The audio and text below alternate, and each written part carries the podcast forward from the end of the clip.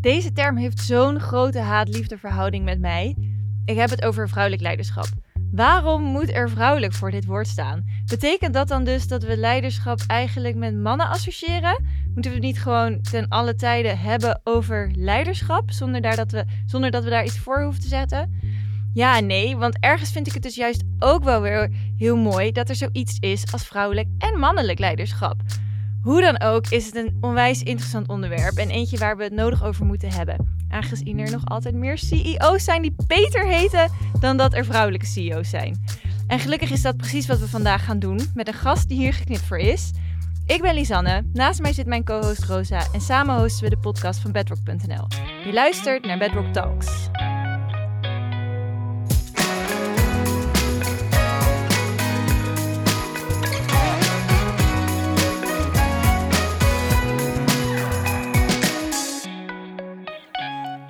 Want als er iemand is die weet hoe je een bedrijf succesvol bouwt, dan is het wel Caroline Glasbergen, onze gast van vandaag.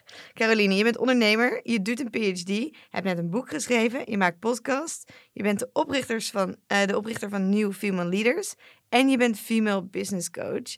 Caroline, we horen je naam eigenlijk al jaren in de wandelgangen.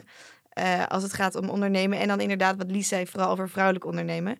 Kun jij even kort toelichten wat, jou wat jij precies doet met al je bedrijven? Waar hou jij je nou precies mee bezig op dagelijkse basis? Ja, sowieso dank voor de uitnodiging, ladies. Heel tof om hier te zijn. Ehm, en ja, nou ja, je hebt net een heel, eh, heel mooi lijstje opgenoemd. Ehm, ik ben de founder van New Female Leaders. En wij zijn een platform voor vrouwen die impact willen maken en tegelijkertijd ook bij zichzelf willen blijven. En ehm, eh, dat draait inderdaad allemaal om leiderschap. En of dat vrouwelijk leiderschap is, daar gaan we het inderdaad zeker nog even over hebben. Eh, want daar heb ik ook wel een mening over. Ehm, ja, dus naast dat, dat eh, ik founder van New Female Leaders ben, coach ik inderdaad ook wel, moet eerlijk zeggen, nu redelijk sporadisch. Want ik ben erg druk met New Female Leaders. Maar ehm, ik coach ook nog vrouwelijke ondernemers. En ehm, wat is het? Vorige week is eh, mijn boek uitgekomen, New Female Leader. En eh, daar ben ik, nou ja, eigenlijk 24/7 mee bezig geweest.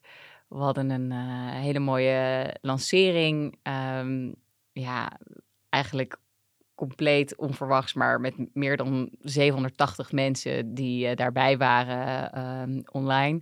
Met allemaal vrouwelijke leiders en, en panels. En dat was geweldig.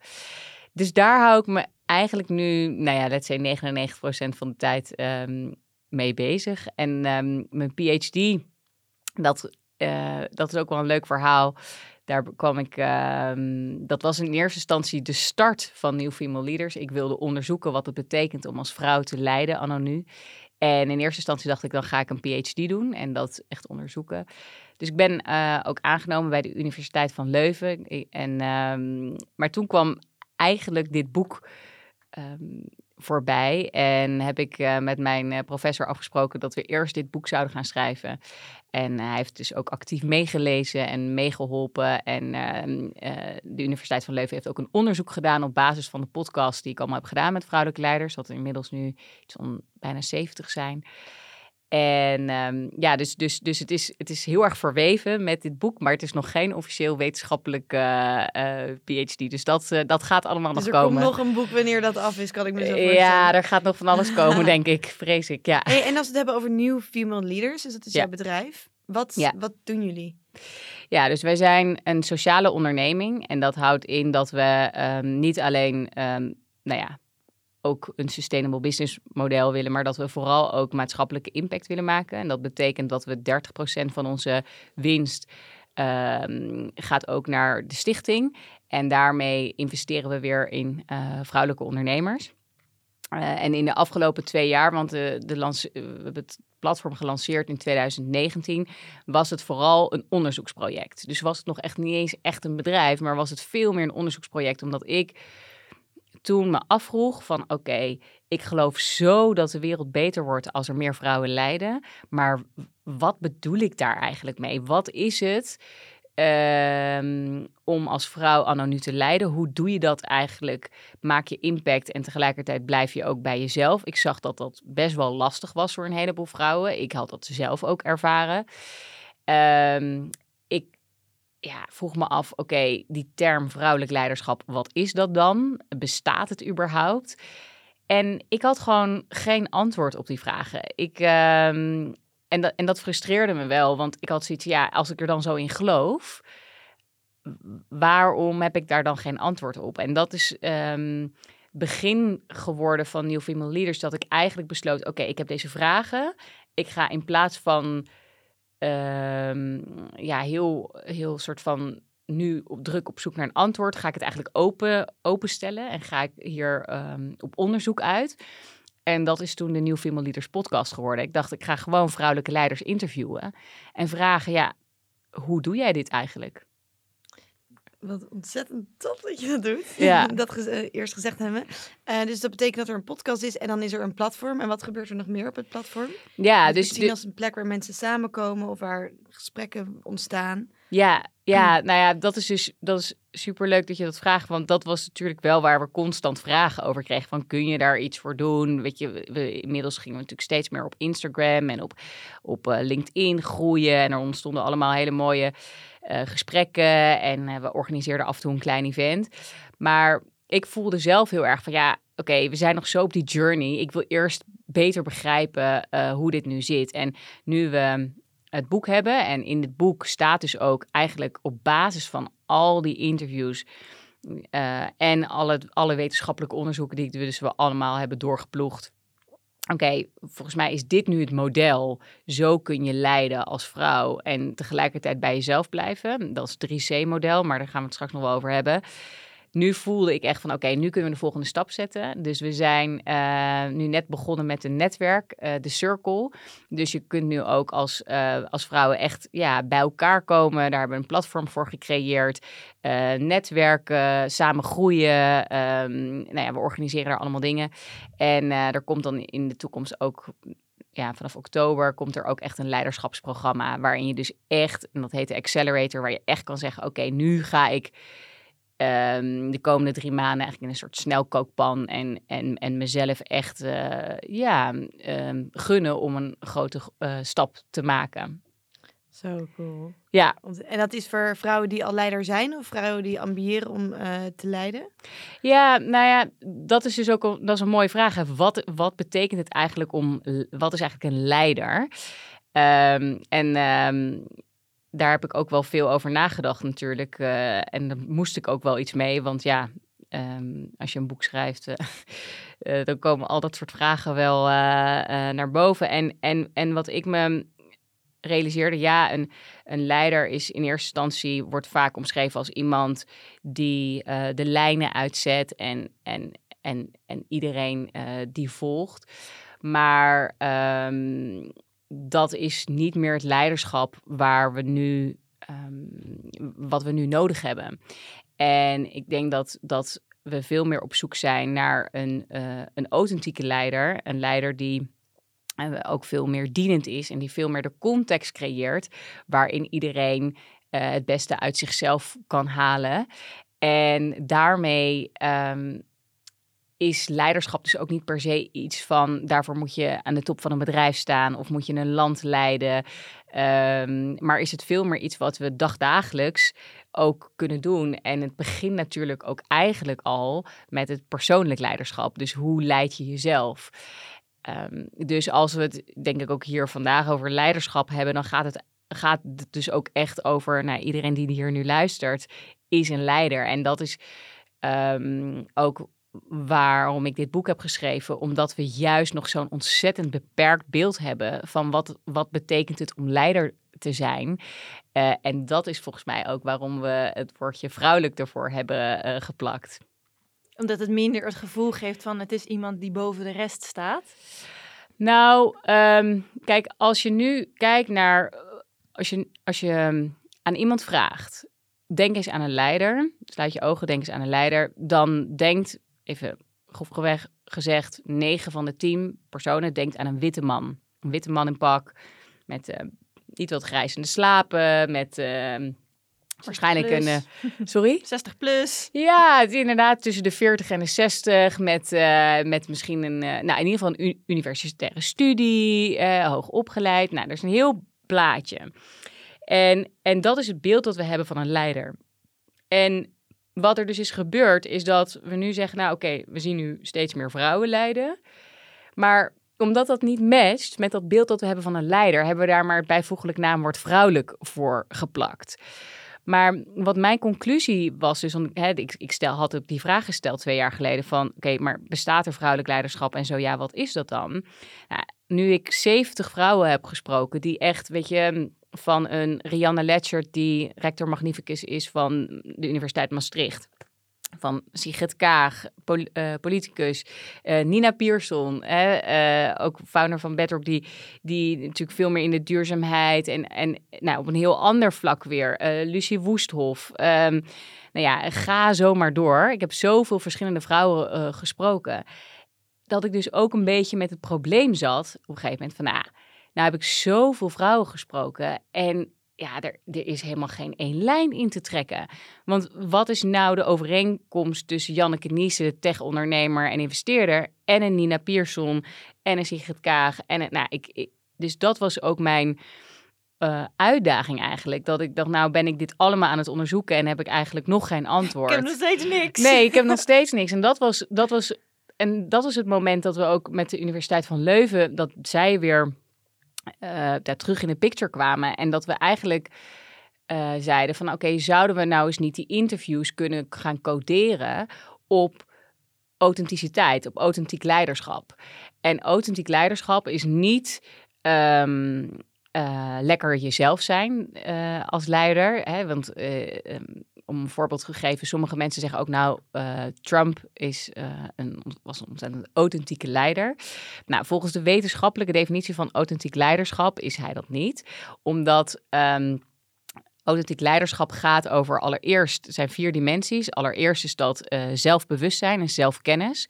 Dus een authentieke leider is heel erg bewust van um, haar waarden, van haar kwaliteiten, van, maar ja, van wie ze is, maar ook van wie de, wie de ander is. Dus, die, dus er is een heel hoge mate van zelfbewustzijn.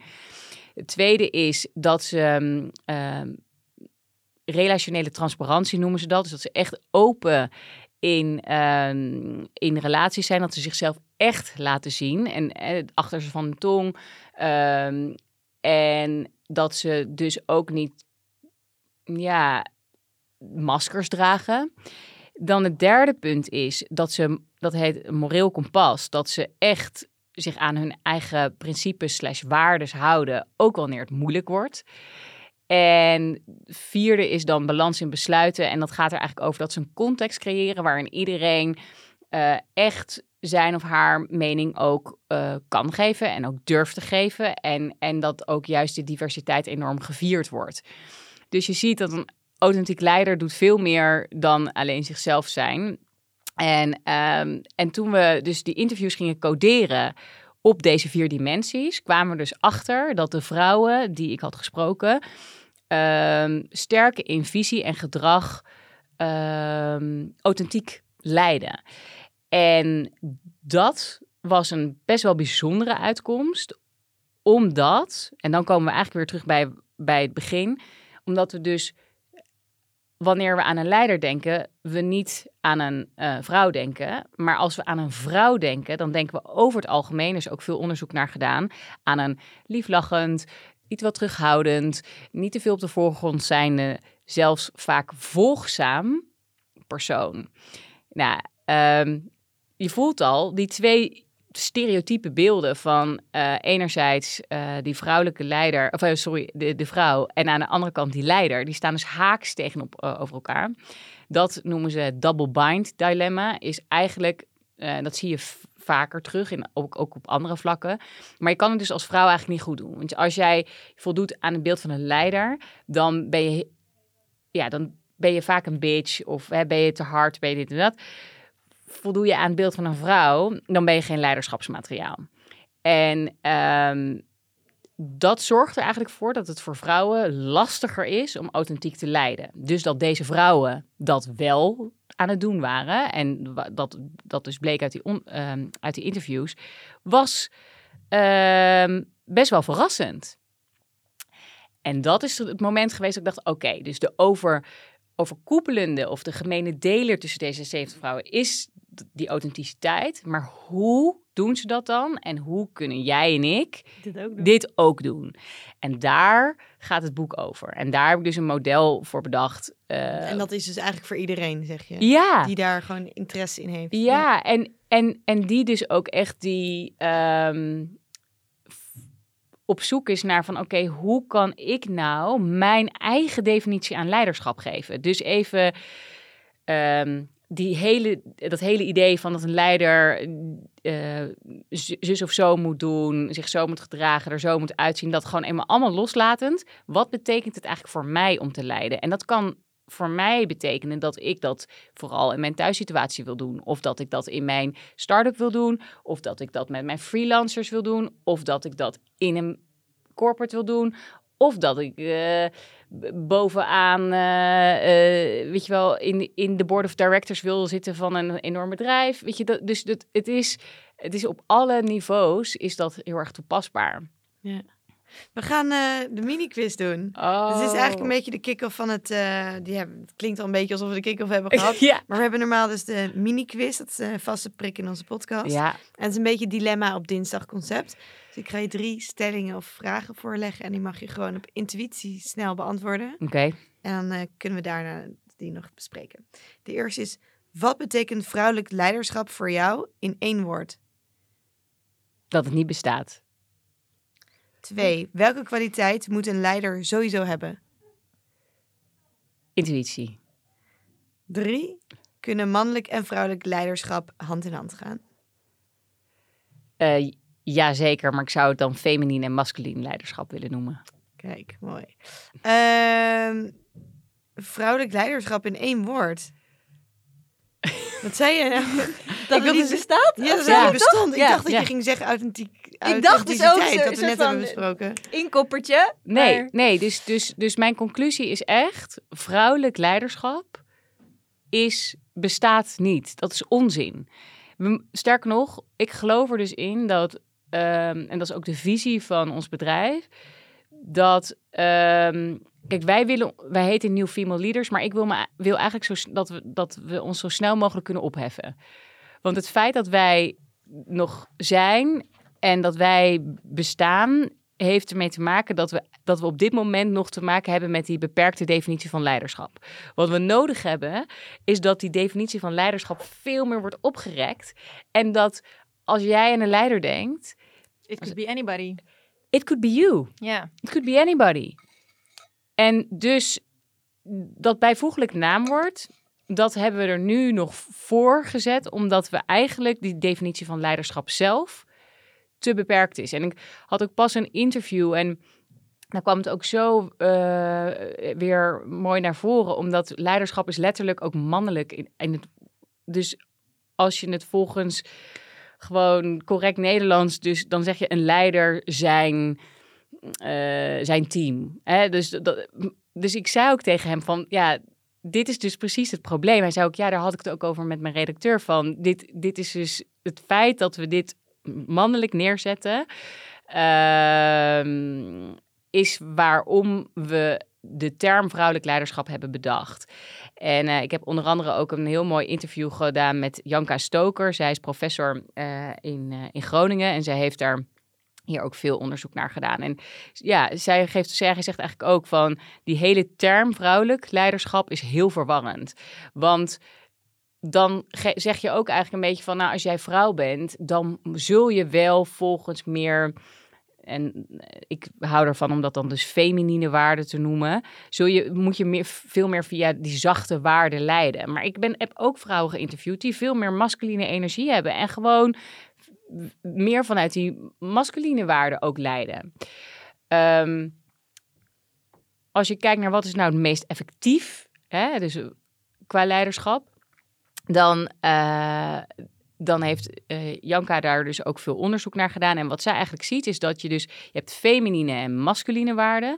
Nou, die feminine waarden, ehm, dat verwarren we dus soms met vrouwelijk, maar dat gaat inderdaad over uh, empathie. Dat gaat over luisteren. Dat gaat over lange termijnvisie. Dat gaat over een veel meer holistische kijk op dingen. Uh, Wat dus ook prima bij mannelijk kan horen. Exact. Ja, maar het, het heet wel feminine. Voor het heet ja, maar de grap is dus: feminine en masculine waarden zitten in ons allemaal. Ja. Dat hebben we, weet je, het is yin en yang. Het is, het, het is, het is, het is links en rechts. Het, het, het is de andere kant van dezelfde medaille. En het probleem is dus ook dat omdat we in één keer het hebben over vrouwelijk leiderschap, dat we dan ook denken dat mannen niet die feminine waarden kunnen integreren, maar juist wel. Um, en um, dus, dus, dus als je die feminine waarden, waar ik net een paar voorbeelden uh, van gaf, en dan heb je ook de masculine waarden, dat is bijvoorbeeld doelgerichtheid, dat is uh, focus, dat is meer ratio. Um, nou, dat zijn een paar, paar voorbeelden van masculine leiderschapswaarden. En wat is nou het meest effectief? Dat is die 50-50 in balans brengen en combineren. En uh, nou ja, Janka noemt dat dan uh, androgyn leiderschap. Hè, dus het is eigenlijk eh, genderloos. Uh, en dat is, ja, als je kijkt naar waar ook werknemers het meest blij mee zijn, dan zie je dat dus dat androgyn leiderschap, waar masculin en feminien dus in balans is, dat het ook het hoogst wordt gewaardeerd. Dus um, door werknemers. Door de werknemers. Dus als, als hun manager, leidinggevende, dus, dus zowel masculine als feminine waarden combineert in leiderschap, dan is iedereen eigenlijk het blijst. Ja. Maar en dat kan je ook wel voor jezelf voelen. Van ja, uh, als je alleen maar in die do-mode zit, alleen maar uh, tak, tak, tak, focus, next step, uh, dan voel je geha gehaast, voel je uit balans. Maar als je alleen maar in de Um, nou ja, inderdaad wat meer de, de rust en de luister en de, en de achteroverhang en de, uh, de meer ontvangende feminine kant zit. Dan op een gegeven moment wordt, voelt het ook een beetje lethargisch. Dan heb je een beetje het gevoel van ja... Gaat er nog wat gebeuren? Gaat er nog wat gebeuren? Weet je, dus je hebt het allebei nodig yeah. om ook als leider effectief te zijn en ook um, um, ja, fijn, een fijne leider te zijn voor de mensen om je heen. Je zei dus, je bedrijf eigenlijk nieuw androgyn leaders. Nou ja, kijk, waarom het nog steeds nieuw female leaders heet, is omdat we dus nog steeds in die ongelijkheid zitten. Kijk, volgens uh, verschillende studies duurt het tussen de, nou ja, even 95 tot 208 jaar en dan hebben we nog eigenlijk de vertraging die COVID nu heeft uh, opgeleverd niet eens meegenomen. Maar zo lang duurt het nog voordat er gender equality is tussen uh, mannen en vrouwen. Dat we gelijke recht echt, dat het echt gelijk is, dat we hetzelfde verdienen, dat we dezelfde kansen hebben.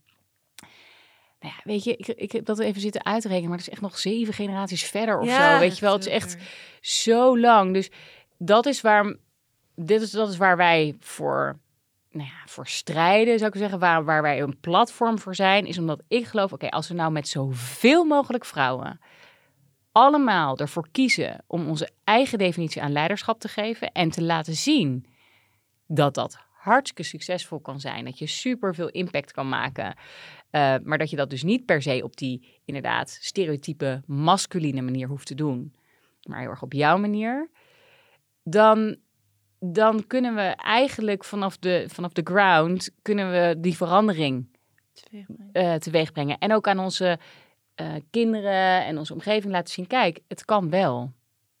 En waarom gaat dit je zo aan het hart? Wat uh, ben jij zelf, je zei al op het begin een beetje jezelf zoiets hebt meegemaakt, dat jij merkte dus, ehm, ja, dat je meer in een soort van mannelijke wereld aan het leiden was. Ja. Hoe, hoe ben je hier zo ingerold? Nou, Um, het, het, het is echt begonnen met dat ik een. Um, uh, en dat is echt toen ik al heel jong was, dat ik een boek las. Uh, een kinderboek. Kinderen van Moeder Aarde van Thea Beckman. Toen was ik elf.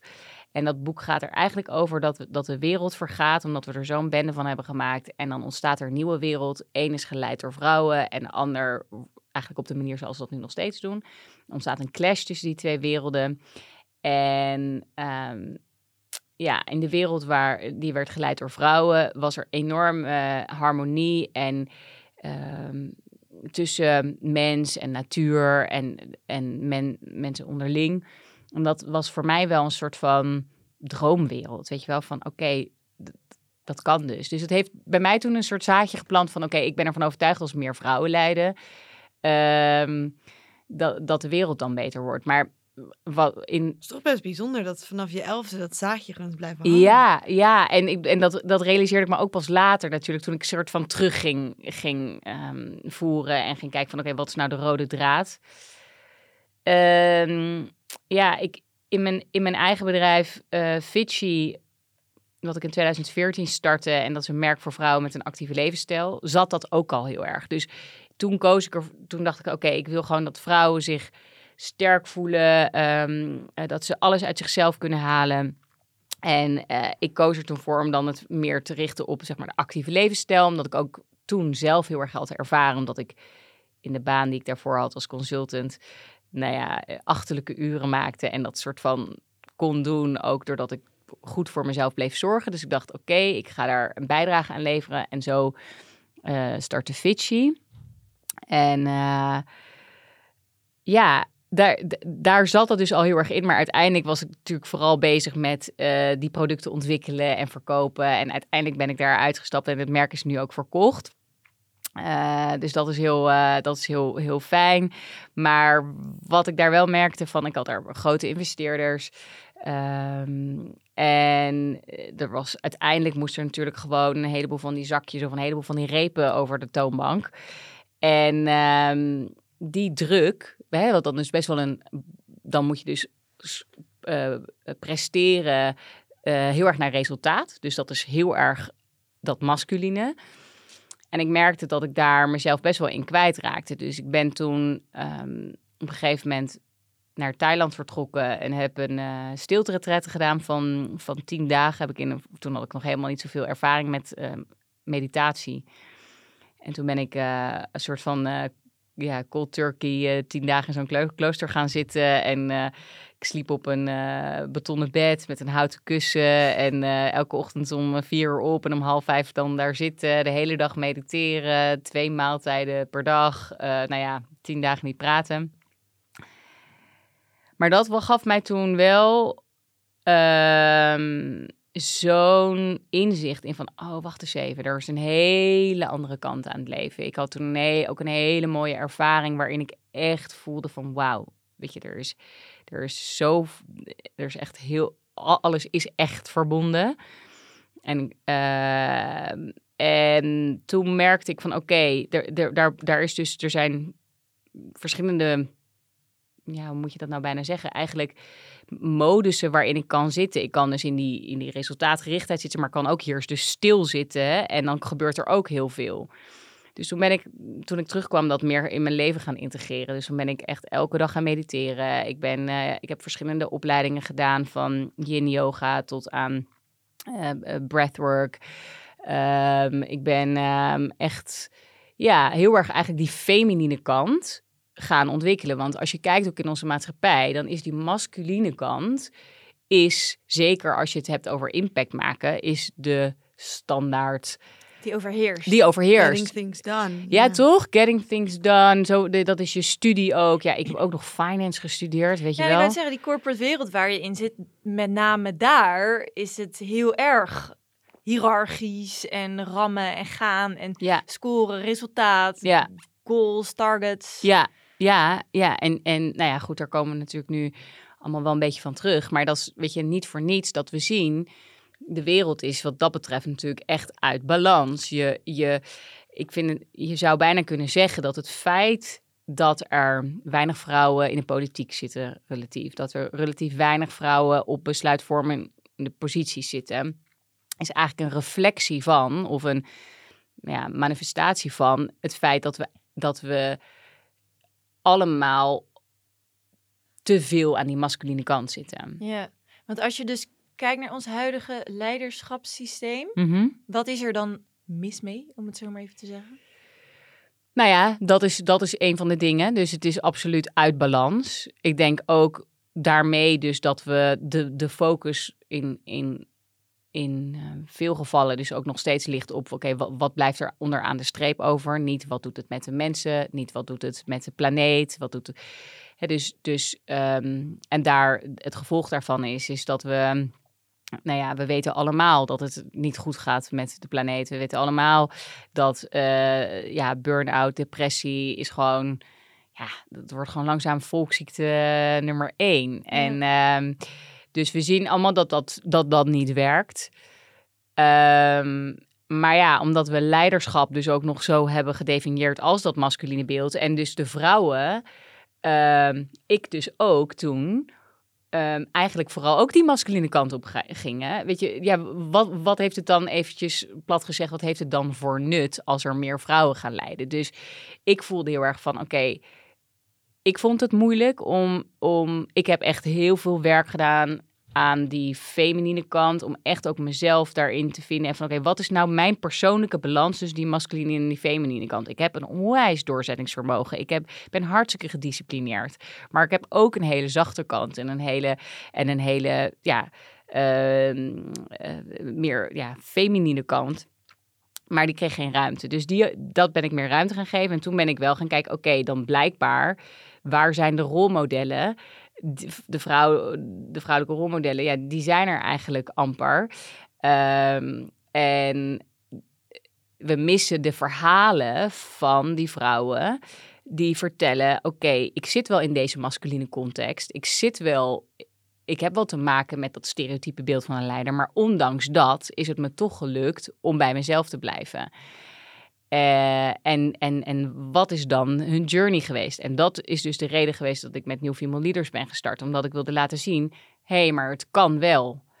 Nou ja, en uh, fast forward zitten we nu hier met dit boek. Want Lies had het dus net over het, het, het leiderschapssysteem. Dus uh, wat er in mis is, zeg je onder andere de balans. toen haalde je ook dingen als klimaatverandering aan. Yeah. Denk jij dan dus um, dat als er meer vrouwelijk leiderschap zou zijn, dat dat soort problemen dus eigenlijk minder zouden zijn? Zoals klimaatverandering en ik weet niet wat nog meer. Hoe zie jij, hoe zie, ja, hoe zie jij de wereld als... Stel, stel je voor, in een ideale wereld zouden er dus meer vrouwelijk leiders zijn. Wat, ja. welke, welke grote thema's zouden er echt wel veranderen, denk jij? Nou ja, ik denk, je maakt dus een goede, uh, ik denk een goede um, aanpassing. Want ik denk dus niet dat als er meer vrouwelijk leiderschap zijn, ik denk echt dat als er meer vrouwelijke leiders zijn, dat we dan sowieso um, op een andere manier gaan kijken naar leiderschap, omdat we niet meer.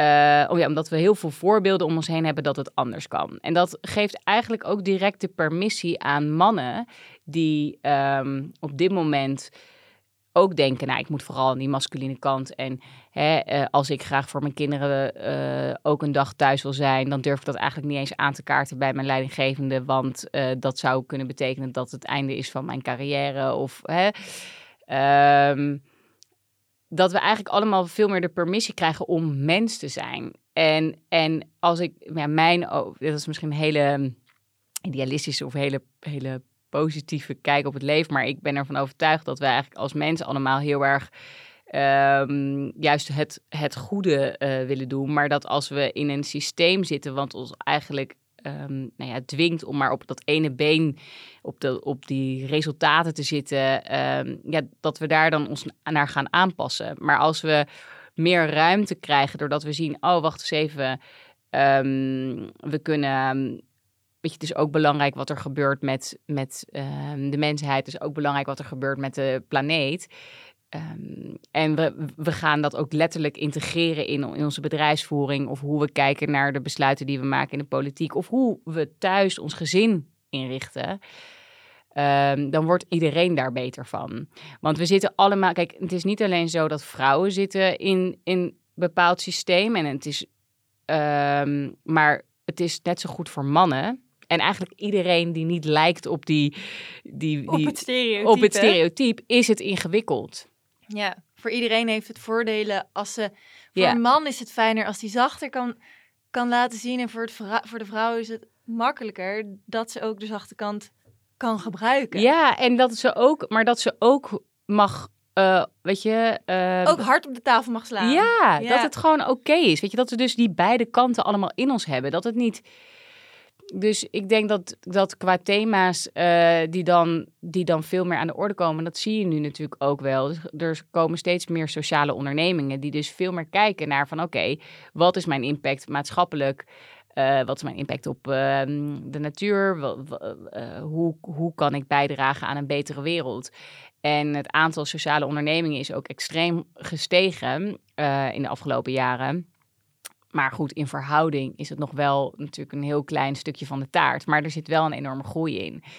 En ik denk dat je ook nu, weet je, ook bij grote corporates wordt het wel steeds meer duidelijk van ja, mm, we kunnen niet meer zo doorgaan. We hebben allemaal veel te grote verantwoordelijkheid om het anders te gaan doen. En zien zij dat daar ook echt? Want ik kan me ook voorstellen, als je een grote corporate hebt met wat je zei, zo'n board van directors, het is dan toch ja, misschien de oudere witte man die er vaak zit.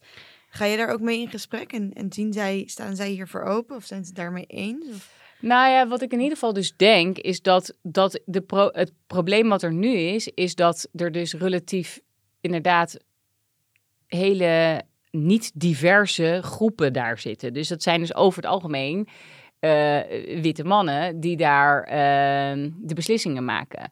En daarmee wordt per definitie worden gewoon hele, hele groepen uh, van de maatschappij worden uitgesloten. Niet per se expres, hè, maar gewoon omdat het een blinde vlek is. Ehm, en worden ook bepaalde thema's niet aangehaald. Dus kijk, om een voorbeeld te geven, als jij als Um, kijk, wij, wij, wij zijn ook, wij hier met z'n drieën zijn ook weer, hebben ook een enorm privilege. Uh, doordat we wit zijn, doordat we um, een bepaalde achternaam hebben, doordat we een bepaalde opleiding. Weet je, we zijn allemaal privileged. En daarmee kun je niet zien soms, omdat je er zo in zit, wat je privileges allemaal zijn. Uh, voor witte mannen uh, in pak bovenaan een organisatie is er gewoon, ja, die hebben het relatief gewoon heel eenvoudig. Want da dat is waar, dat was altijd al historisch. Ja, zijn dat de mensen die de macht hadden en die de dienst uitmaakten. Uh, dus als je alleen maar met zo'n groep mensen in een, in een team of in een board of wat dan ook zit, dan, dan mis je gewoon een heleboel van de aspecten die spelen. En dan is het natuurlijk heel makkelijk. Dan is er ook geen tegenspraak van goh. Um, zouden we dit niet eens wat anders kunnen doen? En wat ook uit onderzoek blijkt, is dat eigenlijk je pas kan spreken van echt een. Um, uh, dat het anders wordt, is als er tenminste 30% van een, noem het even, minderheid in zo'n zo'n board of in zo'n team komt. Dus je moet echt 30% vrouwen hebben of 30% van een andere etnische afkomst. Of omdat dan pas um, die groep zich ook zo veilig voelt dat ze ook vanuit hun eigen authentieke zelf de bijdrage kunnen leveren. Als die groep kleiner is, dan um, zie je dat mensen zich gaan aanpassen. En dan heb je dus, dan, dan heb je dus niks aan diversiteit. Nee. Wat, wat, dus betekent dat eigenlijk in elke organisatie zou, inderdaad, wat je zegt, 30% minimaal, maar het liefst dan waarschijnlijk 50-50 van allerlei soort, soorten. Ja, op de aardbol. En dat heeft gewoon echt op, op dat, is, dat is op zoveel vlakken uh, uh, belangrijk. Uh, um, en, en nou ja, goed, er is natuurlijk ook al echt zijn bergen onderzoeken waaruit blijkt dat als je een, een divers team hebt, dat ook het bedrijf beter performt. En ja. Um, en merk je dan dus ook een beetje beweging bij grotere bedrijven? Ik kan me voorstellen dat zeg maar start-ups, jongere bedrijven, um, daar is dat makkelijker social, in verwerken. Ja, enterprise, weet je dat soort dingetjes. Uh, of dingetjes, gewoon dat soort organisaties of bedrijven. Um, ja, dat dat, ja, het is toch misschien het, het bedrijf voeren van nu. Um, maar zie je ook beweging in echt met grotere bedrijven, in, corporate of toch in andere soorten sectoren? Nou ja, goed, er zijn natuurlijk nu wel steeds meer, uh, ook vanuit de overheid, uh, wordt daar ook wel uh, in ja, er worden ook gewoon wel regels gesteld als quota. En, um, maar toch heeft twee derde van de beursgenoteerde bedrijven uh, nog geen vrouw in de board. Uh, en 43% van de raden van commissarissen he hebben geen vrouw. En um, nou ja, goed. Helemaal niet. Nee. Dus ja het, het- ja, het is, het is wel in ontwikkeling, maar het gaat allemaal zo Ja. traag. En daarom zijn er ook een heleboel vrouwen die gewoon, kijk, die ook gewoon zeggen, ja, oké, ik stap uit dit systeem, ik ga mijn eigen ding doen. Dus dat is een beetje tegenreactie. Dat is ook heel erg de tegenreactie. En ehm, eh, ik denk dat dat aan, aan de ene kant heel goed is. En aan de andere kant is het ook wel jammer. Omdat, ja, weet je, je wil, je wil ook wel heel graag dat daar op die plekken het ook verandert. Omdat vaak hebben die bedrijven gewoon eh, een hele grote invloed. En als zij een verandering doorvoeren van eh, we gaan eh, onze verpakkingen anders kleiner maken, minder plastic, ik zeg maar nu maar even wat is het al, heeft het al direct een enorme impact op het, op het, op het hele systeem. Dus je wil iedereen er wel echt in mee hebben. Dus het is, weet je, het, ik, ik denk echt dat ehm, ehm, meer vrouwen eh, op die posities, eh, maar vooral dus ook dat we dat echt leiderschap op een, op een breder, op een bredere manier wordt gedefinieerd en dat we het veel meer doen vanuit eh, wie wij in de kern zijn. En echt volgens dat, vanuit dat zelfbewustzijn en onze waarden. En dat we echt, ehm, nou ja, ook dat durven te doen. Want hè, we zijn natuurlijk allemaal, iedereen. Nou ja, ik, ik ken echt nog niemand, maar misschien eh, dat er iemand nu luistert zegt: nee, ik heb dit niet. Maar iedereen is uiteindelijk bang ehm, om er niet bij te mogen horen. Dat is een hele diepe angst. Dus wat we doen onbewust, is omdat die zo zwaar weegt, is dus ons aanpassen aan dit soort stereotype beelden. En, en, en, en je realiseren dat dit dus, dat je er A nooit aan kan voldoen. En B, dat het dus ook onzin, ja, dat, dat het dat het, dat het echt, dat het ehm, ook helemaal geen zin heeft, zeg maar. Want je doet het even plat gezegd toch nooit goed. Ehm, ja, echt die moed hebben. En dat is dus ook wel een van de dingen die ik zag bij al deze vrouwen. De moed hebben om het op je eigen manier te doen. En bij jezelf te blijven. En bij jezelf te blijven is een hele essentiële levenshouding. Ehm, en die vrouwen, daar geloof ik dus in dat als we dat dus allemaal gaan doen, dat Ja. daar de wereld echt beter van wordt. Vandaar dat jij ook bij de vraag in die mini-quiz van welke kwaliteit moet een leider hebben, was jouw reactie intuïtie. Ja, Omdat je dan, je weet waar jouw hart zegt, hier gaan we heen. Ja, En daarbij blijven. ja. Ja, Ja, precies. Want ehm, nou, ik vond het, het het was natuurlijk even een, eh, een hele moeilijke vraag, want er zijn zoveel kwaliteiten. Maar ik vind intuïtie is wel echt een hele, hele belangrijke. En die, die heb ik ook echt eh, apart als hoofdstuk ehm, benoemd. Bijna alle vrouwen, nee, eigenlijk allemaal, zeiden ze van, luister, als ik niet naar mijn eigen stem luister, dan gaat het eigenlijk nooit goed. Dus ik, dat, mijn eigen stem, mijn eigen intuïtie is, is, is cruciaal in het leiden vanuit mijn eigen waarde, in het leiden, in, in het authentiek leiden. En, eh, en ja, dat, dat, dat, hoe ik het bijna nu zie, is van dat het leven. ehm, dat het leven, nou ja, zou je misschien kunnen zien als een spel of zo. En intuïtie zijn de, zijn de spelregels. Eh, het volgen van je intuïtie, het volgen van je hart. Sommige mensen zeggen onderbuikgevoel. Weet je, er zijn natuurlijk allerlei six sense, eh, enorm veel eh, over, over gezegd, maar en enorm veel woorden voor. Maar ja, je intuïtie is toch wel echt een hele belangrijke guide in het, in het leiden van jouw leven. En dat kwam er ook nog eens een keer bij. Van dat als je gewoon kijkt naar waar hebben de bijna waar heeft iedereen spijt van aan het eind van zijn leven. Of nou, niet iedereen, maar de, maar de mensen die dat niet hebben gedaan, die hebben spijt van dat ze niet hun eigen weg hebben gevolgd. ja. Dus, dus dat is zeg maar de grootste, belangrijkste spijtbetuiging. En daar heeft eh Bronnie Ware, ik, eh, heet zij, heeft eh, ja, daar een soort, ja, heeft daar on- onderzoek naar gedaan. En eigenlijk komt er bij, kwam haar, bij haar eruit van, ja, dit is de allergrootste spijtbetuiging van mensen aan het eind van hun leven. Als ik niet, dat, ja, dat ze niet hun eigen leven hebben geleefd. En hoe doe, je, hoe doe je dat dan? Zijn er dan ook, kan je, heb je uit die verhalen of uit eigen ervaring ook eh, een soort pad van, oké, zo kun je meer authentiek gaan leiden en vanuit jouw intuïtie te werk te gaan en daaraan vasthouden? Ja, nou ja, goed. eh, ik dan pak heel even het hoofdstuk eh, verbinding met je intuïtie er nu ook bij. Mooi. Ehm, nou ja, kijk, ik denk dus dat, dat, het, dat het uit een aantal aspecten bestaat, het authentiek leiden. Hoe doen deze vrouwen dat nou? Dat is wel echt, begint ook wel met een stukje helderheid. Dus dat is de eerste C, dat is clarity. En wat eh, deze vrouwen heel helder hebben, is oké, ik heb, ik weet in welke context ik zit.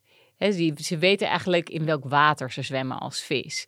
Dus ze hebben door dat er stereotypen zijn. Ze weten dat er onbewuste vooroordelen zijn. Ze, ze mm, hebben door wanneer ze in een meeting of, eh, of, of in, een, in, in een gesprek dat er eh, impliciet seksisme is. Dus zij weten, zij weten heel goed van, oh ja, dit is de context waarin ik nu zit. En dit is die 21ste eeuw waar ik in, me in beweeg.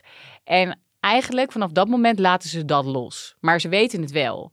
Dus het is. eh, en ik weet niet hoe dat voor jullie was, maar toen ik begon met werken, toen had ik daar helemaal geen idee over. Ik dacht gewoon. Iedereen is zich toch gelijk, is toch helemaal geen probleem. Als je tegen mij had gezegd, nou ja, Kou, er is echt, er is echt wel genderongelijkheid, had gezegd, nou, sorry hoor, weet je, volgens mij is het gewoon hard werken, jezelf laten zien en eh, dan kom je er allemaal wel. Dus laten we er nou vooral niet een groot probleem van maken. En dat is gewoon echt niet waar. Als je gewoon kijkt naar die cijfers, dan is dat gewoon niet waar. Dus ja, voor jou kan het misschien zo zijn. Uh, maar dan nog daag ik je ook in het boek ook echt wel uit van... ga nou eens echt terugkijken naar... Is het, zijn er niet echt niet ook momenten geweest waarin je toch... of jezelf ging aanpassen... of inderdaad misschien uh, net wat beter je best moest doen... dan je mannelijke collega of nou, whatever. Dus die clarity over die context is echt wel stap één. En dan zijn er, hebben ze ook helderheid over een aantal andere dingen. Wat zijn hun waarden? Wat zijn hun eigen kwaliteiten en hun mindere punten? Um, wat zijn hun barrières? Dus ik denk dat het, dat het heel belangrijk is dat je, dat je die helderheid hebt als, alsof je op reis bent. En dat je wel weet, weet je wel, oh ja, ik ga daar naartoe. Dit is mijn kaart of zo. Dus dat, daar, dat is die eerste C. En dan die tweede C is de connection. En dat gaat over de verbinding met jezelf. Dat begint met verbinding met bewustzijn. Nou ja, goed, dat komt natuurlijk ook helemaal vanuit mijn ervaring in dat klooster en, en mijn eigen pad daarin. Maar wat ik er ook wel uit bijna al die gesprekken toch wel haalde, was dat elke vrouw op een manier een practice had om die verbinding met zichzelf te maken. En om, om bewuster te zijn, zelfbewuster dan gemiddeld. Dus mediteren, um, de natuur in, ademhalen, schrijven. Dat waren allemaal hele belangrijke uh, dingen die ze allemaal, niet misschien niet allemaal tegelijk, maar in ieder geval een manier kozen die goed bij hen paste om echt die verbinding met dat bewustzijn te maken. Um, verbinding met je lijf. Hè? Um, we zitten ons onwijs in ons hoofd, ook heel masculien, ratio. Uh, dus verbinding met je lijf. Inderdaad, die verbinding met je intuïtie. Um, en ook verbinden met je stem. Dus hoe ga jij wat er in jou leeft ook daadwerkelijk naar buiten brengen? Dus daar gaat, al, daar gaat die tweede C over. En dan die derde C is community. En dat is je supportsysteem. En eigenlijk hadden al deze vrouwen om zich heen verzameld. Um, ja, gelijkgestemde vrouwen, dus sisters. Ze hadden allemaal echt rolmodellen. Ik bedoel, dat was echt een die heel belangrijk was, waaraan ze een soort van konden zien: oh ja, dit is mogelijk. Uh, dat, is dat, moet dat dan ook een vrouwelijk rolmodel zijn? Nou, in principe niet. En je ziet over het algemeen dat vrouwen uh, zowel mannelijke als vrouwelijke rolmodellen hebben. Maar ik denk wel dat het te maken heeft met de, de beperkte hoeveelheid vrouwelijke rolmodellen. En omdat we dus nog steeds succes linken aan man zijn. Ja. En nou ja, daarnaast hadden ze ook uh, vaak 9 van de 10 keer een coach. Ze hadden goed hun familie, um, hè, dus hoe ze thuis hadden geregeld. Dat was echt een heel uh, stevig supportsysteem. Nou, en dan daarnaast kwam ik er dus achter dat ze, als je dan die drie C's hebt, Clarity, Connection, Community, dat was een soort van de basis. En daarin hadden ze dus die levenshouding van moed. Uh, want het, is, het vraagt onwijs moed om ehm, je eigen waarde te kennen, om in te zien dat je zelf ook een bias hebt, dat je uh, durft je stem te gebruiken. Uh, dat je iemand, in, als in het geval van community, dat je een outreach doet naar iemand. Weet je, daarvoor moet je echt moedig zijn. We weten allemaal hoe spannend dat soms kan zijn. En dus dat was dan de C van courage. En dan hadden we ook nog de C van compassion. En dat gaat er eigenlijk over van, oké, ook weten dat dit dus het proces is waar we met elkaar in zitten. Dat betekent dat we compassie naar onszelf moeten hebben. Waar komen we vandaan? En, en dat het niet allemaal in één keer per se vandaag is gelukt. Perfect moet. Ja, en ook naar de ander. Want iedereen zit, worstelt hier dus mee. Dus dat uh, courage en compassion kwamen er als soort van laatste bonus C's bij als, als levenshouding. Um, dus dat is het model. Maar, maar om dan nog even dieper in die, op de intuïtie in te gaan. Um, want heel veel mensen zeggen ja, maar ik hoor die stem helemaal niet. Of ik weet helemaal niet. Um... Hij wordt ook heel gauw natuurlijk overschreeuwd. Ja. Ik, zeg maar, door, door je ratio dan weer. Ja, ja, dus nou ja, er zijn een aantal stappen in, in, het, in het boek. En dat is, dat is allereerst uh, gaat het over het echt het bewustzijn van de taal van je intuïtie. Um, je intuïtie kan zich op heel veel manieren aan, aan, zich, aan jou openbaren. Dat kan bijvoorbeeld door middel van een fysieke reactie zijn. Dat kan zijn doordat je ergens super enthousiast van wordt. Yeah. Um, om een voorbeeld te geven, ik had dus dat evenement vorige week.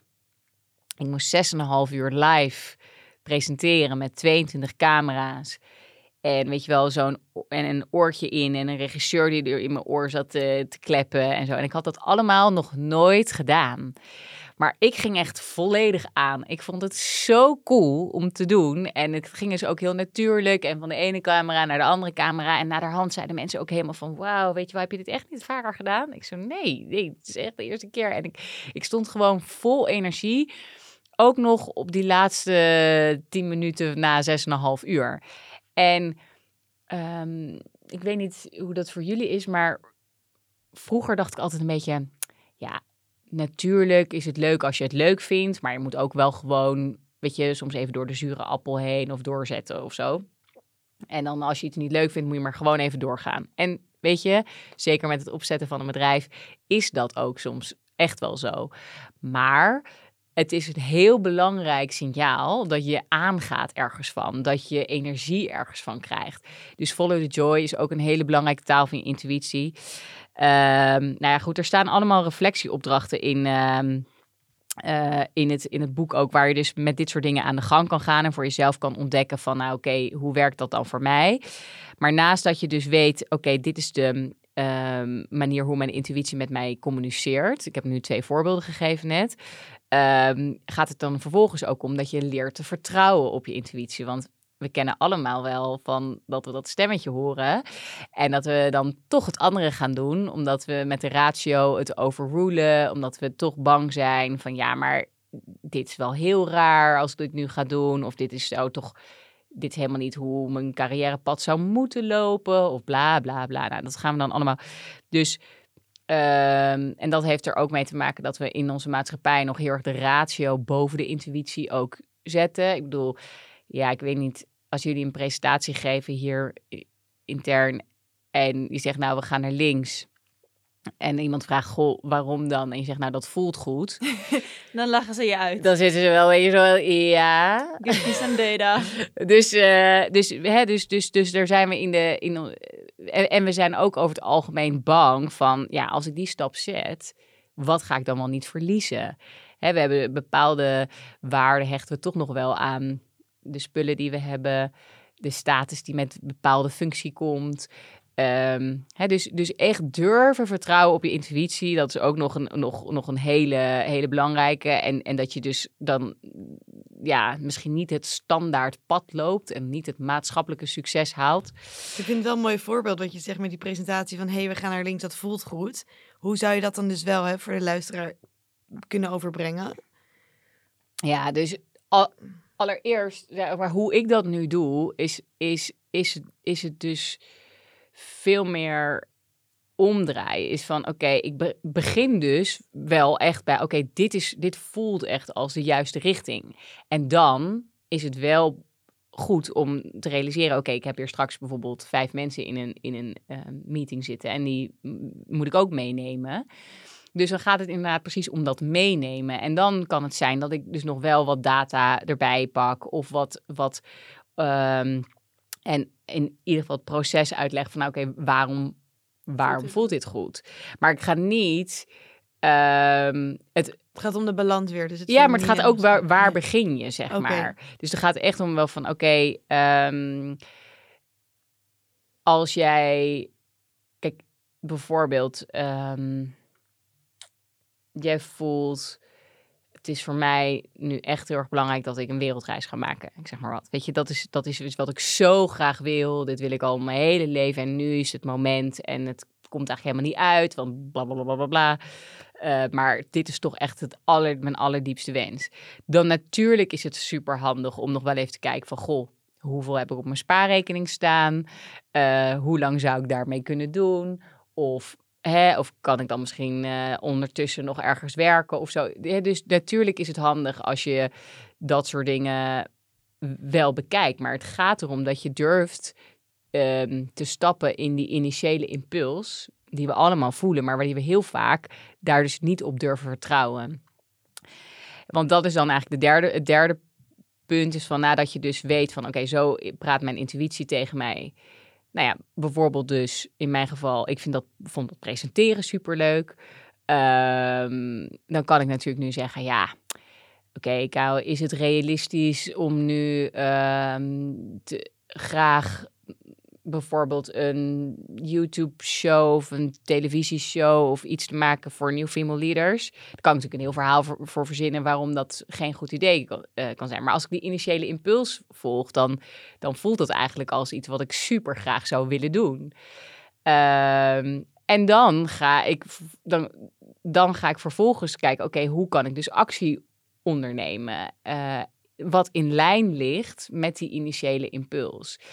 En ehm, ja, en dat is, dat is dan eigenlijk de derde en wel hele eh, belangrijke stap waarin je eigenlijk ook weer je hersenen eh, moet helpen om niet in die angst te gaan. Want wat, wat je intuïtie doet, is jou uit je comfortzone. Dat is eigenlijk 9 van de 10 keer is niet het gebaande pad. Je kan het niet helemaal beredeneren. Dus je moet je hersenen ook een beetje afleiden. Dus wat ik een grappige oefening vind, is dat je dan, zodra je die impuls voelt, dat je dan eh, van vijf terug naar één telt. Of even, als dat voor jou heel makkelijk gaat, van 5000 naar 4995. En, ehm, en ter- terwijl je dat doet, onderneem je actie. Dus stuur je dat mailtje of pak je de telefoon of doe je iets wat dus in lijn ligt met die intuïtieve impuls.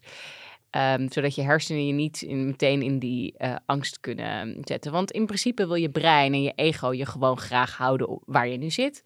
Want dat is veilig.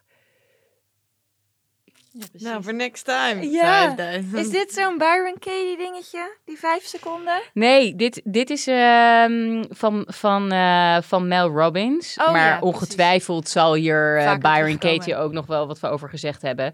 Alleen wat ik nog wel even wil zeggen over intuïtie, is dat wat dus. En dan komen we eh, nog even terug op die stereotypen en vooroordelen. Is dat, dat er zijn wel een aantal dingen die meespelen. Hè, eh, ehm, en waar je goed dus het onderscheid mag maken tussen wat is mijn wanneer, wat, wanneer spreekt mijn intuïtie en wanneer spreekt eigenlijk ehm, een onbewust vooroordeel.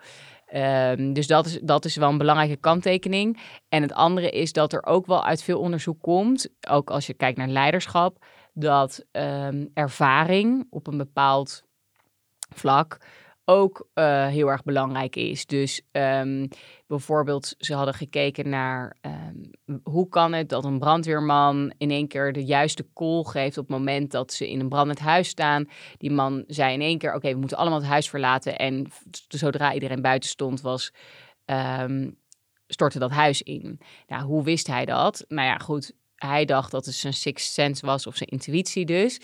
Ehm, maar later bleek, kijk, deze man had zoveel ervaring al als brandweercommandant, dat hij gewoon details opmerkte aan die brand die een ongetrainde brandweerman niet had kunnen zien. Ehm, dus en, en onze hersenen veranderen ook letterlijk door iets heel vaak eh, te herhalen. En ehm, het is dus wel belangrijk dat ook je intuïtie kan je ook zeggen soms: hey, het is beter om nu even je mond te houden. Of hey, misschien moet je nog eens even wat verder onderzoek doen voordat je een stap zet. Het is dus niet altijd zo. Go, go, go. Go, go, go. Dus, en juist die zachte stem kan ook soms heel irritant zijn. Van, want je wil juist actie ondernemen en next step en whatever. Maar het kan ook soms zijn, nou ja, ga eerst maar nog eens even een half jaartje dit uitzoeken. Dus dat is wel even een belangrijke kanttekening bij intuïtie. Ja, helder. helder. Hey, en is er denk je nou een manier om uh, meer vrouwen, ja, vrouwen te laten leiden of meer vrouwelijk leiderschap te implementeren? Ja, nou ja, ik denk dat, dat het heel belangrijk is dat we als vrouw, uh, als we ergens voor worden gevraagd, of we voelen dus die initiële impuls van, hé, hey, ik zou dat echt super vet vinden, dat we dat, dat we daar, dat we dat dan gaan doen, dat we ja zeggen. Dat was ook een van de tips van Marie de Gij Fortman in het interview wat ik met haar had. Zeg ja, weet je, steek je hand op, maak er niet een te veel. Uh, ga er niet een heel verhaal aan hangen waarom je nog een training moet doen of wat dan ook. Weet je, zeg ja. Um, dus dat ligt, dat ligt dus, dat is dan bijvoorbeeld bij, de, bij ons als vrouwen zelf. Ik denk ook dat het heel erg belangrijk is dat we als vrouwen elkaar helpen. Um, in een van de dingen die je daarin ziet als het gaat om sisterhood, is dat uh, je hebt een fenomeen en dat heet het Queen Bee syndroom. En dat houdt eigenlijk in dat vrouwen die bovenin zitten van een organisatie, dat die vaak niet andere vrouwen helpen. Of sterker nog, dat ze ze zelfs daar beneden houden. Dat heeft alles te maken met wat ik net vertelde, dat vrouwen. Ehm, dat ze dan vaak in de minderheid zijn. Dat het eigenlijk een hele onveilige situatie is. En dat, dat, ze, ehm, dat ze dus dat concurrentiespel aan het, aan het spelen zijn. Terwijl dat Ehm, als je nu weet dat er, als jij meer vrouwen of meer van jou, noem maar zeggen, tribe bovenin hebt, dat jij dan zelf ook authentieker kan zijn. Want dat geeft jou ook de ruimte. Ehm, dus is het altijd de schuld van de vrouw die er bovenin zit ehm, dat zij niet andere vrouwen helpt? Nou, ik denk dat nu we dit weten, in ieder geval kunnen besluiten voor onszelf, dat gaan we dus niet doen. Maar het heeft echt te maken ook met het systeem. Dus, Zouden we dat dan moeten vastleggen van bovenaf misschien? Dus ja, zoveel procent. Precies, dus dat is natuurlijk ook mm. wat we met quota doen. En daar is er ook een heel belangrijke kant van... Ehm, dat er gewoon systemisch vanuit de overheid ook echt dingen moeten veranderen. Dus ja, uh, dat gaat over uh, quota voor bedrijven of, en voor boards. Uh, dat gaat ook over um, dat bijvoorbeeld er wordt gekeken naar kinderopvang. Uh, uh, dat er wordt gekeken naar, kijk, als jij nu, of als wij nu solliciteren, je bent als vrouw tussen de 28 en 35, dan ja, krijg je toch een, krijgen, hebben mensen al direct in hun hoofd, oké, nou ja, die zijn we een paar maanden kwijt, waarschijnlijk. Um, of je nou kinderen wil of, kan krijgen of niet. Dat is, de, dat is wel uh, de overtuiging van de persoon die aan de andere kant van de tafel zit. En tegelijkertijd ja, is het bij mannen gewoon zo dat ze niet eens de kans krijgen om, uh, om voor hun, als ze een nieuw gezin krijgen, voor hun kind te zorgen of daar te zijn. En dat soort dingen, dat, die zijn nog steeds enorm ongelijk. Dus daar moeten echt systemisch uh, vanuit uh, ook, denk ik, ook echt de overheid dingen veranderen. En um, dus ze zeggen ook heel vaak: fix, fix the system, don't fix the women. Hmm. En daar heb ik ook lang over nagedacht van oké, maar wat voor, waar gaat dit boek dan over? Maar dit gaat dus niet over dat je jezelf moet fixen. Juist niet. Dit gaat, over, dit gaat niet over dat jij iets beter moet doen of anders moet doen. Dit gaat erover hoe kan jij nou zoveel mogelijk jezelf zijn binnen het systeem waar we in zitten. En tegelijkertijd uh, hebben we gewoon als maatschappij echt nog wat te doen als het gaat om het systeem. Dus als je daar ook zelf invloed op wil hebben, dan kun je bijvoorbeeld daar naar kijken wanneer je gaat stemmen. Je kan ervoor besluiten om op het museumplein te gaan staan. Je kan organisaties zoals een Women Inc. ondersteunen, die dan die daar echt, ja, die dan weer veel meer die kant pakken en het veel meer pakken vanuit uh, bijvoorbeeld lobby. Dus er zijn heel veel partijen ook nodig om dit ja, met elkaar te doen. Ja, we moeten allemaal samenwerken. Ja, om ja. het zo te krijgen. Ja, absoluut. Oké, en als er nu luisteraars zijn die, die dan dus denken... ik wil meer vanuit uh, mijn eigen waarden gaan leiden... die misschien ook in een leidinggevende functie binnenkort gaan stappen. Ja. Los van lees mijn boek. Wat is je tip aan hen? Los van lees mijn boek. Um, nou, dan, dan, dan zou ik voor jezelf echt beginnen met helderheid krijgen over, oké, in, in welke context ga ik me eigenlijk begeven en, en wat zijn mijn waarden? Wat vind ik nou eigenlijk echt belangrijk? Omdat uiteindelijk zie je, um, kijk, je kan, um, om even het een beetje, zeg maar, plat te slaan. Weet je, kan nog zoveel mediteren. Maar als je, als je bijvoorbeeld niet helder hebt van oké, ik sta hiervoor. Dit, dit is voor mij echt non-negotiable. Hier sta ik. Dit, dit wil ik altijd in mijn leven, maar ook in de manier van hoe ik leid, met, hoe ik met anderen omga. Ja, terugzien en, uh, en, en, en dat echt implementeren zonder die helderheid is het heel lastig. Dus ik zou dat adviseren om echt daarmee te beginnen. En uh, ja, nou dan, dan toch even, in mijn boek staat daar ook een hele uitgebreide oefening voor. Omdat, en dat kost ook wel echt even tijd, omdat het gewoon zo basis is. En dat komt gewoon in elk interview terug. Dat moreel kompas, die waarde, heb dat scherp. Um, en dan zou ik het vooral ook uh, gaan doen en zien als een experiment. Ik heb zoveel geleerd van de afgelopen twee jaar niet um, een soort van um, mezelf te dwingen van ik moet nu een antwoord, maar veel meer open te staan voor nou, wat, wat, wat, wat gebeurt hier eigenlijk? Wat, hey, uh, laat ik nieuwsgierig zijn naar wat die persoon zegt. En die persoon zegt dan, hé, hey, zo vandaag ging het zo. Oké, okay, wat kan ik daaruit leren? Dus heel erg die nieuwsgierigheid, die openheid, een stukje reflectie en het veel meer zien als een experiment. Iets wat je uh, aan het onderzoeken bent, in plaats van waar je vandaag of morgen al heel goed in moet zijn. Ja, kom maar op me af en ik ik zoek het wel uit onderweg. Ja, en, en, en, en, maar hou, en ga daar dan dus ook mee spelen. hey, vandaag vandaag voldeed dit eigenlijk helemaal niet aan mijn waarden. Waar, waar zit hem dat dan in? Ja. En, en ik denk dat uiteindelijk, en dat, dat zeggen ook alle grote leiderschapsgoeroes, en weet je, het gaat natuurlijk wel over die introspectie in de leiders. En, en je wordt gewoon een betere leider, hoe beter je ook jezelf begrijpt. En dat begint uh, dan denk ik toch echt wel met die helderheid van, okay, ik zit in deze omgeving en dit zijn mijn waarden die ik belangrijk vind. Ja. Helder. Helder. We know where to start now. Ja. Ik denk dat dit een mooi, uh, een mooi einde was. Caroline, ik wil je heel erg bedanken dat je hierheen uh, wilde komen en bij ons van de studio wilde komen praten. Heel graag gedaan. Als onze luisteraars nou nog jouw reis willen volgen, waar kunnen ze jou en jouw nieuw Female Leaders vinden?